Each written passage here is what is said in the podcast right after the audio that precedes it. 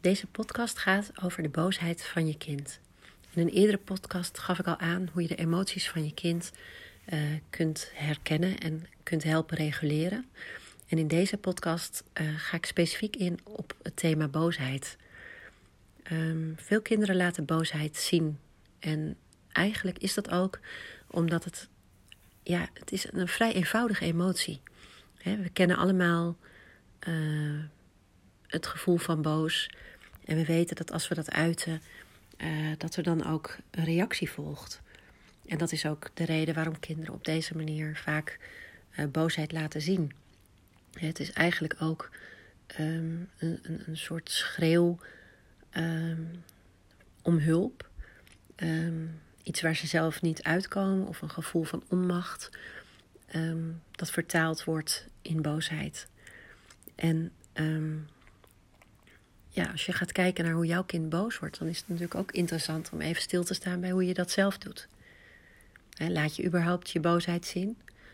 Um, deel je dat met je kind? dan heb ik het niet specifiek over de boosheid op je kind of tegen je kind, maar gewoon boosheid in het algemeen. Ben jij wel eens boos?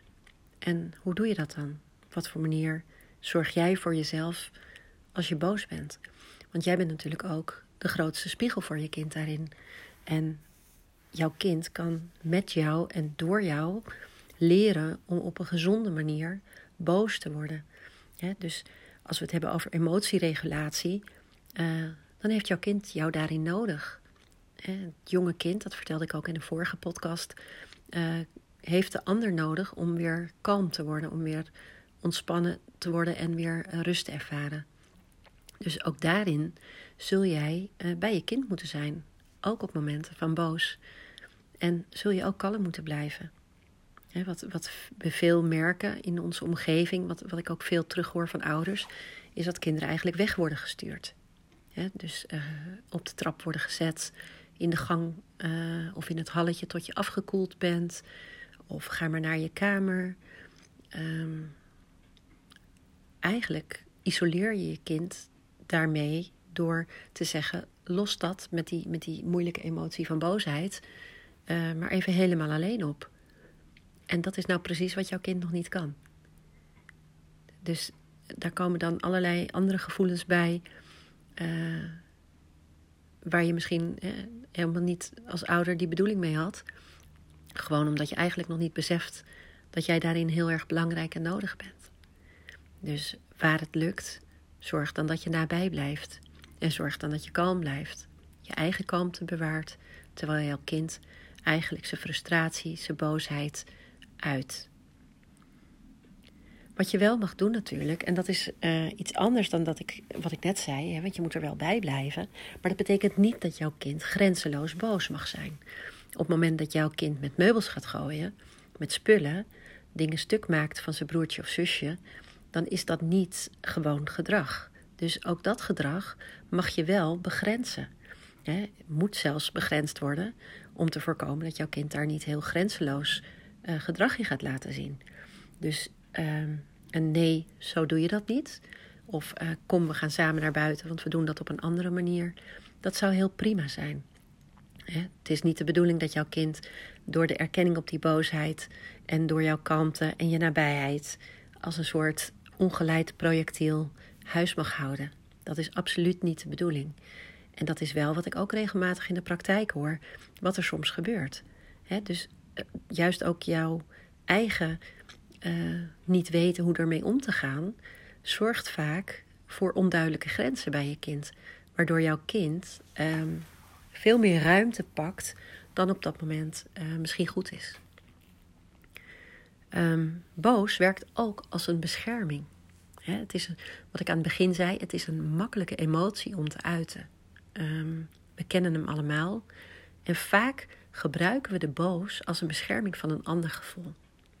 dus je kunt je misschien voorstellen dat je iets niet leuk vond, dat je je gekwetst voelde, dat je teleurgesteld was over iets, of dat je je schaamt om iets wat er is gebeurd. En in plaats van die teleurstelling te uiten, dat gekwetstheid, de verdriet of de schaamte, laat je boosheid en frustratie zien. Of woede. Um, omdat je eigenlijk ook met je eigen gevoel van schaamte en teleurstelling als kind geen raad weet. Dat zijn ook hele ingewikkelde emoties. En het kan helpen door jouw kind alvast te benoemen, hè, dus dat jij alvast aan je kind benoemt, waarvan jij denkt, misschien zit dat er wel onder. Hè, dus je zou kunnen zeggen, ik zie dat je heel erg boos bent, maar zou het ook kunnen dat je eigenlijk teleurgesteld bent over wat er net is gebeurd? Het zou kunnen dat jouw kind het op dat moment nog niet kan horen, omdat de boos er nog te veel is. Maar het zou ook kunnen dat jouw kind eigenlijk zegt: Ja, want ik ben eigenlijk heel teleurgesteld. Want ik had zo zin om met iemand te spelen en nu is iedereen al naar huis, bijvoorbeeld op het schoolplein. dus ehm, het is heel goed om jouw kind de woorden te leren die horen bij die onderliggende emoties. en dat zijn woorden als verdriet, teleurstelling, bang, angst, schaamte of schuldig voelen. Ehm, nou ja, er zijn er nog veel meer. En het is natuurlijk wel belangrijk dat je even met je kind checkt of dat wel klopt. Hè? Want het is altijd jouw invulling. Dus het is heel belangrijk dat je kijkt van klopt dat wel voor jou? Is dat inderdaad het gevoel dat je net hebt uh, gekregen? Ehm, maar daarmee leer je je kind ook om veel beter te verwoorden waar het nou eigenlijk mee worstelt. dan worstelt het niet, misschien niet langer met boos, maar dan worstelt het misschien met omgaan met teleurstelling of met het gevoel van schaamte. En daar kan jij je kind op een hele andere manier mee helpen. Dat kan heel ja, productief en opbouwend zijn om samen daar wel iets mee te doen. Nou, op het moment dat jouw kind zo boos is, hè, dat is eigenlijk een overtreffende trap. En die overtreffende trap die begint eigenlijk altijd bij irritatie. Ergens is jouw kind geïrriteerd over. En op het moment dat dat genegeerd wordt in jezelf of in, in, uh, door jou als ouder niet herkend of door een leerkracht niet herkend, uh, ontstaat er steeds meer irritatie. En op het moment dat die irritatie groter wordt, ontstaat er boosheid. En op het moment dat die boosheid groter groeit, omdat er nog meer irritatie bovenop komt, ontstaat er woede. En zo heb je al snel de overtreffende trap van boos. Irritatie, boos, woede. En het zou natuurlijk mooi zijn, en dat kan natuurlijk lang niet altijd, maar het zou natuurlijk mooi zijn dat op het moment dat er irritatie begint, dat jij ergens al dat herkent bij jouw kind.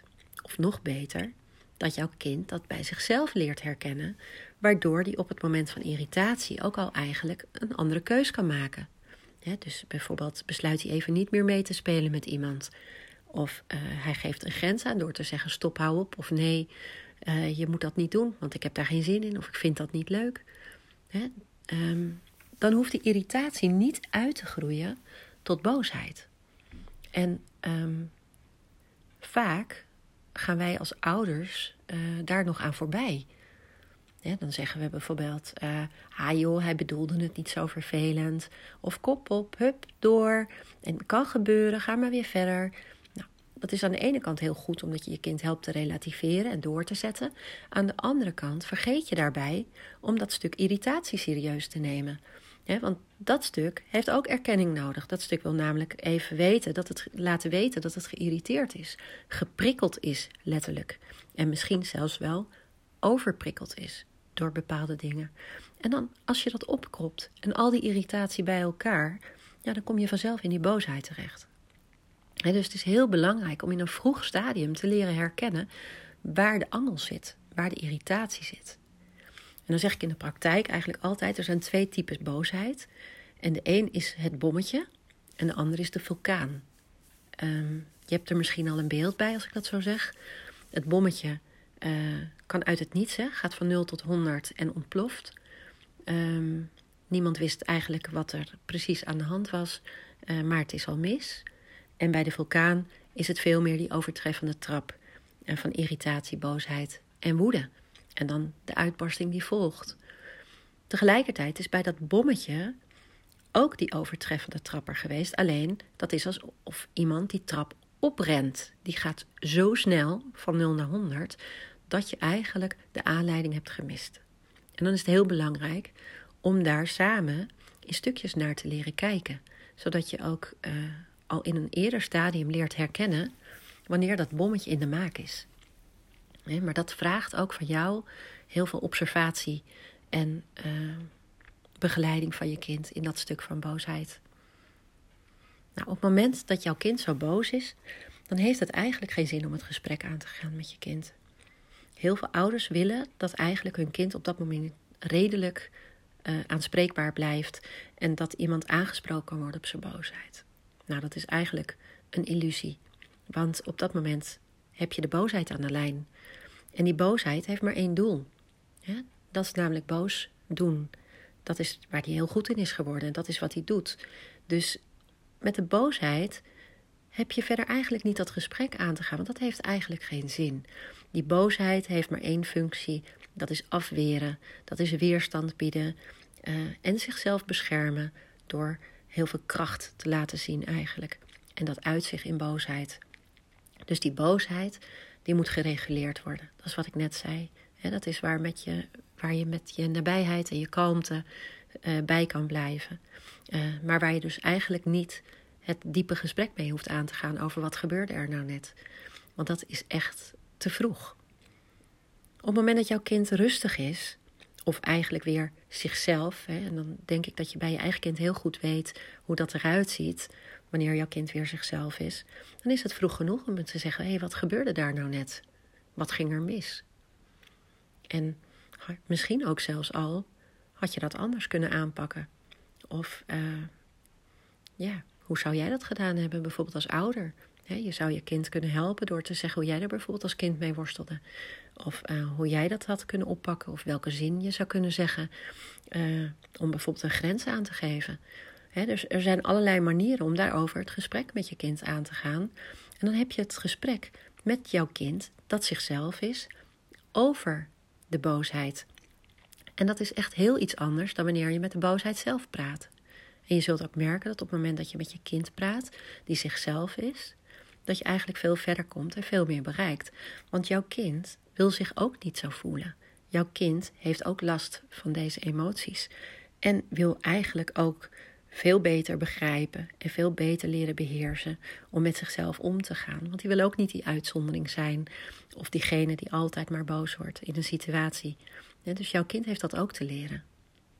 En besef dan bovenal dat vooral boze kinderen heel veel knuffels nodig hebben. Heel veel liefde, heel veel aandacht en heel veel zachtheid. Want met die boosheid proberen ze eigenlijk een, een harde uh, kracht te laten zien. Hè? Soms zelfs uh, in de vorm van agressie. Terwijl aan de andere kant is daar dat kleine kinderhart en dat hunkert echt naar die zachtheid. Dus probeer ook voor jezelf als ouder zand erover en we gaan door met een knuffel en met liefde. En blijf daar zelf niet in hangen. Want jouw kind kan echt tranen weg en hup, die gaat door. Terwijl wij als ouders heel vaak nog last hebben van het gevoel. Hè, of uh, er iets van vinden, waardoor we dat eigenlijk veel langer bij ons dragen dan nodig is. Dus ook daarin zou ik zeggen: probeer het voor jezelf ook achter je te laten. Zand erover en verder. En knuffel je kind. Want dat is eigenlijk waar het op dat moment echt behoefte aan heeft. Dit is het einde van deze podcast. Ik hoop dat je er wat aan gehad hebt. Ik zou het ook heel erg leuk vinden om uh, wat feedback te krijgen. Dus mocht je dat uh, willen doen, uh, dan sta ik daar heel erg voor open. Dat mag sowieso altijd even op mijn mailadres. Dat is info.innerchild.nl En dat mag natuurlijk ook op een andere wijze. Moet je zelf even kijken of wij elkaar persoonlijk kennen. En de volgende podcast gaat in ieder geval over emoties nog. En ik denk nog even na over welke ik nu als eerste de revue laat passeren. En mocht je daar zelf een suggestie voor hebben, dan hoor ik dat ook graag. Dankjewel voor het luisteren.